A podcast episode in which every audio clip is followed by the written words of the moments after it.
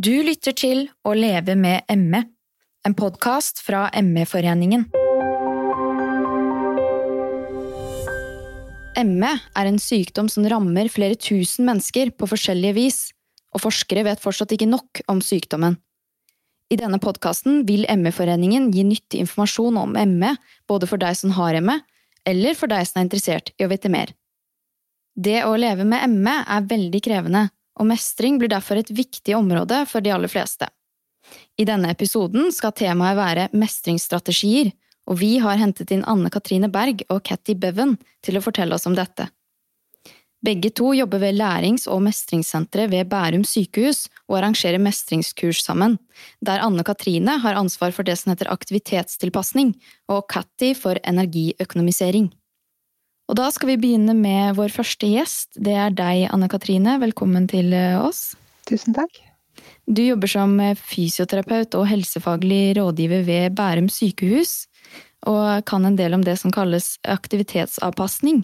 Kan du forklare hva det er for noe? Aktivitetsavpasning, det vil jeg si at det er ingen behandling. Men det er en måte å mestre sykdommen på for å redusere symptomforverring etter anstrengelse.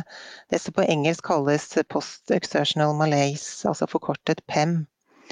Så aktivitetsavpasning det går ut på å bli bevisst hvordan kroppen reagerer på forskjellige belastninger. Og det er jo selvsagt forskjellig fra person til person, så det gjelder å finne sine egne grenser for aktivitet. Og dette tar nødvendigvis tid, spesielt i starten når man nylig har fått diagnosen. Og så er det viktig at vi ikke kun snakker om fysiske belastninger, men at det også handler om mentale og psykiske utfordringer som kan gi symptomforverring. Mm. For alt uh, tar jo energi. Så for de fleste så er det kanskje økt grad av utmattelse, men for andre så får de mer smerter eller ja, hodepine eller får vanskelig med å konsentrere seg hvis de er mer aktive enn det de tåler. Da. Og hvorfor er denne aktivitetsavpasninga så viktig? Det er viktig for å få en så god hverdag som mulig. Mange som lever med ME syns jo det er vanskelig å vite hva en tåler, fordi det er lett å ta i for mye på gode dager. Og så er det utfordrende fordi at man kjenner ikke at man tar i for mye der og da. Reaksjonene kommer som regel dagen etter eller eh, senere. Så følgen kan være at man eh, såkalt krasjer og opplever en kortere eller lengre dårligere periode før man er tilbake på det nivået man startet. Og dermed så er det jo mange da som opplever svingende dager og med stor uforutsigbarhet i, i hverdagen. Og noen opplever at sykdommen styrer eh, hele livet. Så hovedmålet med aktivitetsavpasning er jo å stabilisere sykdommen og muligens oppnå bedring ved at symptomtrykket reduseres. Så ME-foreningen gjorde nettopp en brukerundersøkelse med over 5000 respondenter, og veldig mange svarte at nettopp aktivitetstilpasning det hjalp dem i hverdagen. Og det er noe vi også hører på de mestringskursene vi har for personer med ME her på, på Bærum sykehus. Og hvordan er det de forteller at det hjelper? Ja, så Det å tilpasse aktivitetene til eget energinivå, da kan man oppleve jevnere dager uten de store svingningene, og dermed få en mer forutsigbar hverdag. Så flere opplever da at symptomtrykket reduseres. Og det kan de merke både ved grad av utmattelsen reduseres, mens også mindre smerter eller andre symptomer. Dermed så, så, kan det jo være at grensene gradvis utvides, og at de gradvis kan orke mer. Men eh, det, det er også viktig å si, for det hører vi eh, rett som det er på mestringskurs, at noen syns de gjør alt riktig og de tilpasser aktivitetene, men likevel opplever at symptomene forverres. Eh. Så det handler nok også om at ME som sykdom kan være svingende i seg selv. Og aktivitetsavpasning det begynner altså med en kartlegging av formen. Hvordan går man frem når man skal gjøre dette? Det kan være lurt å begynne med en kartlegging av eh, aktiviteter du gjør gjennom dagen. Rett og slett lage et eh, A4-ark med tidspunkter gjennom døgnet, og så notere hva du gjør fra du står opp til du legger deg. Og for noen så er en slik kartlegging eh, litt sånn ubehagelig i seg selv, fordi at de kan tenke at ja, men jeg gjør jo ingenting, eller jeg blir sliten av minimale ting. Men husk på at alt er aktivitet. Altså fra du står opp og kanskje tar en dusj eller spiser frokost. Alt du gjør gjennom en dag, det tar energi og krefter. Så i tillegg til å registrere aktivitet, så må man også registrere symptomtrykket.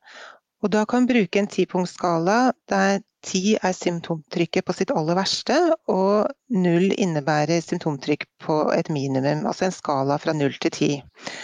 Og så etter hvert som du registrerer ulike aktiviteter, så vurderer du hver aktivitet i forhold til disse to ytterpunktene. På den måten så får du da en oversikt over aktiviteter, og også variasjon av symptomer i løpet av dagen. Og hva er det man finner ut når man har gjort dette? Ja, om du gjør en kartlegging over flere dager, så vil du få en oversikt for det første over hva kreftene brukes til i løpet av dager, uker. Men også viktig kunnskap om variasjoner i energi og symptomer. Og da kanskje du oppdager noen sammenhenger når du ser på den aktivitetsregistreringen du har gjort. Det kan være at du oppdager at det er tider på døgnet som kanskje er noe bedre enn andre tider på døgnet, eller om det er aktiviteter du kan holde på litt lengre enn andre aktiviteter som kanskje tapper deg fullstendig. Så du får en mer detaljert oversikt over helheten, og på mange måter kan det være et kompass til å følge i hverdagen. Altså noe å ta utgangspunkt i, i planleggingen for dagene, for nettopp å unngå PEM eller forverrelse av symptomer.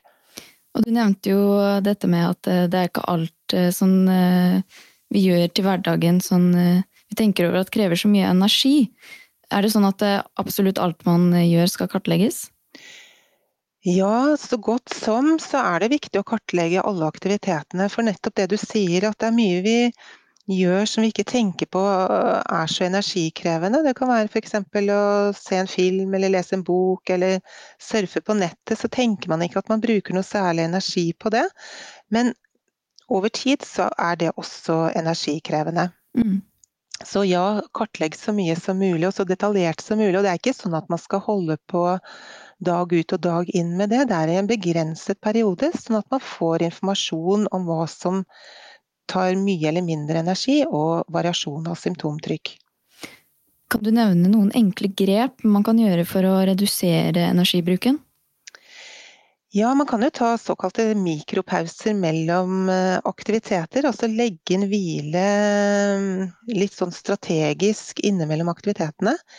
Eh, et eksempel kan være at du kanskje ikke trenger å rydde inn alle butikkvarene med en gang du kommer hjem etter handleturen. Kanskje du bare kan sette inn det som må inn i kjøleskapet, eventuelt fryser, og så ta en pause. Eventuelt legge deg ned, hvile litt, før du setter inn eh, de andre matvarene.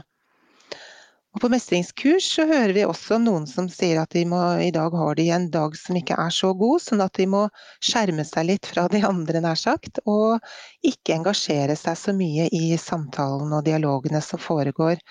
Og det kan jo kanskje være overførbart også i andre sammenhenger, om det er middagsselskap eller jobbsammenheng, at man kan trekke seg litt tilbake. Enten mentalt, at man ikke deltar så aktivt i samtalene, eller også fysisk, at man trekker seg ut og finner seg kanskje et rom hvor man kan hvile i ro og fred. Hvordan bør man gå frem med tanke på jobb eller skole? Ja, er du i jobb eller går på skole, så kan det være lurt å fortelle overordnet om at du har ME, og hvilke symptomer som du plages mest av. For noen så er jo det seg selv å være åpen om sykdommen vanskelig, eh, for det handler jo også om å kunne akseptere det for en selv. Men det å være åpen det gir jo også muligheter bl.a. for tilrettelegging eh, på jobb. Og generelt, enten det er jobb eller studier, så er det noe med å ikke holde på til du ikke orker mer, men legge inn hvilepauser underveis. Kanskje du kan eh, ja, i jobbsammenheng eh, gjøre møtene kortere, eller hvis du studerer, ikke les over lengre tid, men legge inn hvilepauser. Så det er noe med å ikke gi 100% hele tiden, men gi seg selv litt slack og ta pauser. Og ellers beregn god tid på det en skal gjøre unngå stress, hvis det er mulig. Og hva kan gevinsten være ved aktivitetsavpasning? Ja, hensikten med aktivitetsavpasning er jo å begrense symptomene, sånn at en ikke får så store svingninger med gode og dårlige dager og perioder. Så det å på en måte være i førersetet selv og kunne planlegge dagene ut fra eget energinivå kan redusere symptomtrykket, og det gjør jo hverdagen mer forutsigbar. Og ME det er jo en sykdom som eh, ikke så veldig mange vet så mye hvordan fungerer. Og det kan jo i tillegg være litt tabu å snakke om det, som du nevnte tidligere. Har du noen råd knytta til hvordan man kan forholde seg til andre? Ja, jeg vil jo tenke at de nærmeste rundt personer med ME, de ser det på en måte både på gode og dårlige dager, og de forstår mye av sykdommen og forstår også at aktivitetstilpasning er nødvendig. Men for andre så kan ME være en lite synlig sykdom. Og det kan jo dessverre føre til både misforståelser og også mistro. Men det å praktisere aktivitetsavpasning, altså hvis man kommer sent gir beskjed om det i middagsselskaper, eller sier at man må gå litt før, eller det å ta hvilepauser, noen bruker hjelpemidler, det i seg selv kan jo faktisk lede til større forståelser. At andre ser at du har en sykdom som begrenser deg, og at du er nødt til å ta visse hensyn. Men ellers så anbefaler vi også å bruke ME-foreningens små brosjyrer. De har utviklet to-tre brosjyrer med god og enkel informasjon som man kan gi ut til nettverket sitt. Sånn at de får mer kunnskap om sykdommen. Da er det jo også lettere å forstå. Og også forstå at alt den gjør tar energi, og at du som har ME, har mindre energi enn andre. Og ME-foreningen har også åpne kvelder eh, for mm, både de som har ME, men også for pårørende, så det er jo også verdt å tipse om. Hvor du kan få oppdatert informasjon om sykdommen. Og det er flere lærings- og mestringssenter som har tilbud til denne målgruppen, og det er også verdt å undersøke hvilke tilbud de har til pårørende. For det er viktig å involvere de aller nærmeste. Og ektefeller, samboer er sentrale. Ikke minst kan de forklare sykdommen til eh, sine nettverk, og det er utrolig avlastende for den som har ME. Så altså når en i familien har fått ME, så er det jo en hel familie som er rammet. Så det tenk vi i familien, det gir støtte. Tusen takk til deg, Anne Katrine Berg, fysioterapeut og helsefaglig rådgiver ved Bærum sykehus. Da vil jeg ønske velkommen til vår neste gjest. Det er deg, Catty Beven. Velkommen til vårs. Tusen takk. Du jobber også ved lærings- og mestringssenteret ved Bærum sykehus som ergoterapeut og er her for å fortelle oss om det som kalles energiøkonomisering. Helt først, eh, kan du forklare hva energiøkonomisering er? Du, det gjør jeg gjerne.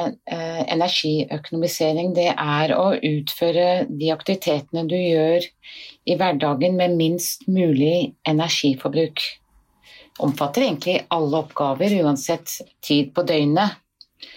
Og hvis du skal få litt bedre innsikt i hva du gjør i løpet av en dag, så er det viktig å, å, å kartlegge litt. Og se på hvilke oppgaver du gjør, og hvor mye krefter du bruker på de ulike oppgavene. Så hva er egentlig mest anstrengende? Eh, dette er jo for personer med ME som sliter med utmattelse.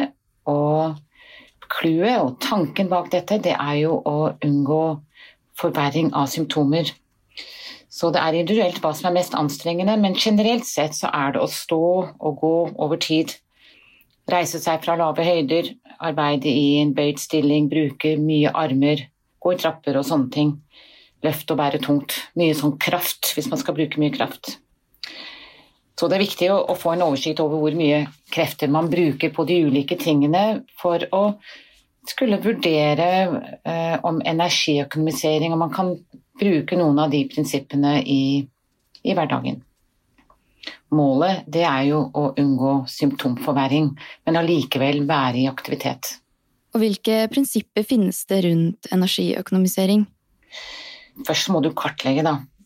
Og så er det å, å se på hva, hva er mest slitsomt for deg. Så det å stå eh, Så det å prøve å sitte mer istedenfor å stå, det er et av prinsippene. Eh, det handler om å legge inn pauser, så tempo i hvordan du jobber, det er eh, viktig at det er ditt eget tempo med pauser og en type rytmisk jobbing istedenfor fort og raskt. I tillegg til å å tenke litt igjennom hvordan du organiserer deg hjemme. Er det tungvint? Eh, har du ting i høye skap? Eh, eller må du bøye deg mye? Så hvordan kan du organisere deg hjemme, og hvordan kan du organisere oppgaver? F.eks. det å organisere hvordan du lager mat. Om du gjør det på en, eh, en litt tungvint måte, eller om det er på en, en litt mer lettvint måte. Så det er noen eksempler i forhold til eh, prinsippene vi skal jobbe etter. Og hvis du skal jobbe etter disse prinsippene, så er det viktig å prioritere hva som er viktigst for deg å fokusere på, da, som du skal gjøre. For å oversikt over hvordan du bruker kreftene dine, så blir det viktig å planlegge inn oppgaver som, som er viktige, da, som du ønsker å prioritere. Eh, og da kanskje også tenke hva, hva er viktig, og hva er sånne oppgaver som man kan vente med det som vi kanskje ville kalt bør-oppgaver, som liksom du føler du må, men kanskje de ikke de er, er, så viktige. Så er det det å uh, Dette med pauser, som jeg sa litt om. Målet med energiundermiksering er jo det å få balanse i hverdagen. Og da er det viktig å lære å legge inn pauser før en opplever at en, blir, at en krasjer, egentlig. og bli vant til å legge inn pause når en jobber. Sånn at det blir på en, en ny tenkemåte, en ny måte å, å, tilnærme seg aktivitet på. Da. Og så er det sånn med energiøkonomisering at det er ikke enkelt. Eh, det er ikke noen sånn, en, en, sånn rask løsning hvor du bare går i gang og gjør det, og så er jobben gjort. Eh, det er sånn at vi gjør ting på en viss måte, og det har vi de fleste av oss gjort i veldig mange år. Så det å endre på det, det kan ta tid. Så det, det lønner seg å begynne med én ting av gangen. Og prøve ut f.eks. det å, å, å, å, sitte mer enn å stå når du gjør enkelte oppgaver, og prøve ut hvilke oppgaver man, man kan gjøre det, da. Og så kan det være at det, høres litt sånn Common sense er jo det man kan si, at det er mye sånn grunnleggende fornuft i det. Og så vet vi allikevel at det er ikke nødvendigvis den måten vi gjør ting på. Så, så, her gjelder det å, å, å, kartlegge og bruke litt tid på å undersøke hva vi gjør, og hvordan vi gjør det. Eh, har du noen eksempler på, hvordan, på økonomiøkonomisering? Ja, jeg nevnte jo så vidt dette med å, å uh, hvordan vi organiserer oss på kjøkkenet. Um, og det er ikke så uvanlig at vi går frem og tilbake mye og tar ut den ene tingen, og så har vi glemt å ta ut noe annet, så det blir veldig mye gåing frem og tilbake. Ja. Og et tips er jo å, å, å, ta ut det du trenger fra kjøleskapet, ta ut redskapene, eh, maten, ha det klart for den oppgaven hvis det gjelder det å lage mat. Alt på en gang, altså? Ja, alt på en gang. Og så ta en pause, og så komme tilbake og, og lage maten og prøve å, å, sitte når du gjør noe av det. Da. Sånn at du deler opp oppgaven og organiserer deg. Um, et annet eksempel på å økonomisere med kreftene kan være å, å, å, sitte i dusjen, rett og slett. Ikke stå. Men det kan være veldig tappende å være i et varmt baderom og stå og dusje, og bruke mye armer og og bøye seg mye og sånn, men, men, det å, å, hvile på en, en dusjkrakk, det er jo en, det er en vanlig det er, en, det er, en, krakk som tåler vann, som du kan sette i dusjen og justere høyden på sånn at det blir riktig for deg. Mm. Um, det kan være fint. Ja. Har du noen flere enkle råd eh, man kan gjøre for å spare energi? Ja, når du spør, så, så har jeg jo det. Eh, men det jeg må si om det, eh, det er at aller først er at veldig ofte så oppdager jo folk det som funker best selv. Um, så, så, jeg har tips, uh, men jeg tenker at det å prøve ut ting mm. og gjøre oppdagelser selv, det er det som kanskje blir mest nyttig. Og hvis man kjenner til prinsippene, og så jobber litt gradvis med å prøve ut de i forhold til en selv, så, så kanskje det er det beste. Men, men, um, men det kan, For å si litt mer om akkurat det med tips, da. Um, vi tenker kanskje ikke så mye over det hvis vi hører på radioen samtidig som vi lager middag, f.eks. Men for en som har ME, så det å ha fokus på flere ting av gangen, uh, det kan egentlig være ganske tappende. Så, så det å gjøre én ting av gangen, det, det, det kan være energisparende. Mm. Og noe annet det er å sette av nok tid. Fordi at Hvis du har for liten tid, og det er en som venter på deg, eller du vet du må bli ferdig og du opplever stress, så er det også eh, energitappende. Så det er ikke bare fysisk aktivitet, altså det å fysisk være i aktivitet som, som, som sliter eh, og, tapper krefter, men det er også mental og følelsesmessig eh, stress som også gjør at eh, en blir sliten. Eller at, en, at, det er tappende på kreftene, da. Så det var liksom to, to ting som kanskje kan være lurt å, å tenke på, da. Og det er jo kanskje noe man ikke alltid tenker på, dette her med at eh, det ikke bare er fysisk aktivitet som gjør at man blir sliten, men også psykisk. At man gjør flere ting på gangen og så tenker mye og stresser. Ja. Det er, og det, det er jo kanskje det som, som kan være vanskelig En av de tingene som er vanskelig med å ha en diagnose som ikke er synlig, altså du har ikke brukket armen eller du går ikke med krykker, det er å på en måte få folk til å forstå hva, hva som er vanskelig. At en, en, faktisk må porsjonere ut kreftene. Så, så, det å snakke med andre om det, i hvert fall ta opp det hjemme, sånn at det er forståelse for både det å ha på musikk mens man gjør andre ting. Fordi at mange lever jo i en familie eh, hvor det er viktig å ta hensyn til hverandre. Jeg tenker at det, det, dette samarbeidet som må skje i hjemmet med Eh, hva, hva, hva, må du gjøre selv, men hva kan du be andre om å gjøre? Eh, det er også en måte å tenke energisparing det, det er å samarbeide og er det, er det, oppgaver man kan gjøre sammen? Eh, er det oppgaver som andre kan gjøre, og, og få til den samtalen på en god, på en god måte? Mm. Jeg nevnte det at det er ikke bare å gjøre dette. Det kan være krevende. Og kommunen kan, kan bistå mm. med besøk fra en ergoterapeut hjem, annet. Um, og de kan veilede på akkurat dette med energiøkonomiserende eh, arbeidsmåter. Uh, og hjelpe en å kartlegge og sortere, og kanskje tilpasse fysisk hjemmet sånn at det blir bedre for den som skal mestre hverdagen.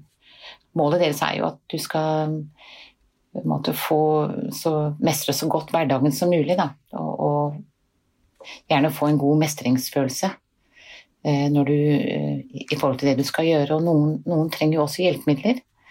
Eh, og det er noe som en ergoterapeut kan vurdere behov for, og, og hjelpe til med søknad og slikt. Da vil jeg si tusen takk til Anne Katrine Berg og Catty Beven. Du hørte på Å leve med ME, en podkast av ME-foreningen. Hvis du trykker på abonner nå, så får du med deg alle episodene når de blir lagt ut. Mitt navn er Mia Sandnes Nilsen, og takk for at du hørte på.